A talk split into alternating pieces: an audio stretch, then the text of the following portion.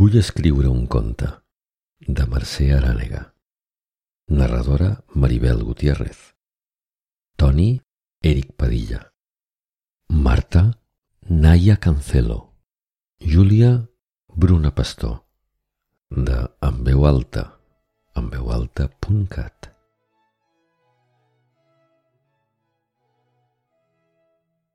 La Marta té sis anys i també molts llapis, moltes llibretes, moltes joguines i moltes ganes d'escriure un conte. Un dia va començar a escriure un conte. Era d'una balena, una balena molt, molt gran, enorme, immensa. La Marta tancava els ulls per imaginar i veia la seva balena al mar. A l'escola va explicar als seus amics que estava molt contenta perquè havia escrit el conte d'una balena molt, molt gran, enorme, immensa, la més grandota de totes les balenes.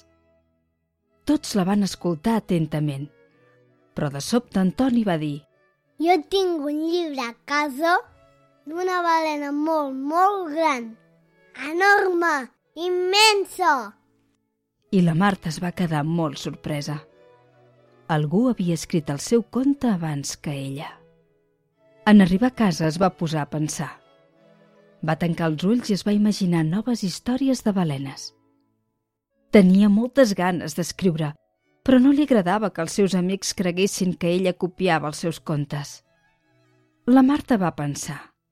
Si hi ha un conte d'una balena molt, molt gran, jo escriuré el conte de la balena més petita. Serà molt, molt petita, com un virus. És que els virus eren els animalons més petits que la Marta coneixia. Li ho havia explicat al metge quan va tenir la grip.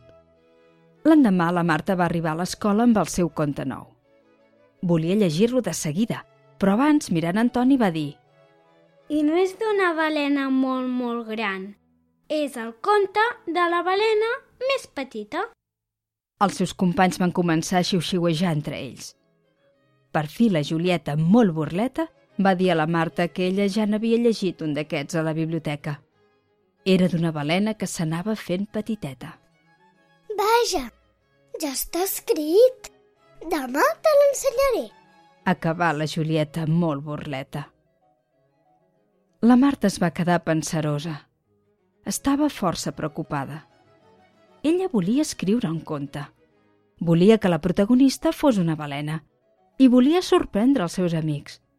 Però sempre estava tot inventat. A la Marta li agradaven molt les balenes. I si anava a l'aquari a buscar idees? No, no. A l'aquari no hi havia balenes. A casa tenia un llibre de la vida al mar. Hi havia moltes fotografies de peixos i també de balenes. El va començar a mirar i a llegir molt a poc a poc. Així va descobrir moltes coses sobre les balenes.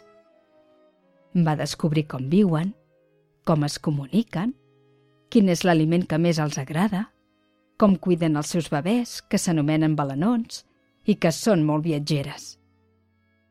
Però el més important és que va descobrir que hi ha pescadors que les maten i que en queden molt poques.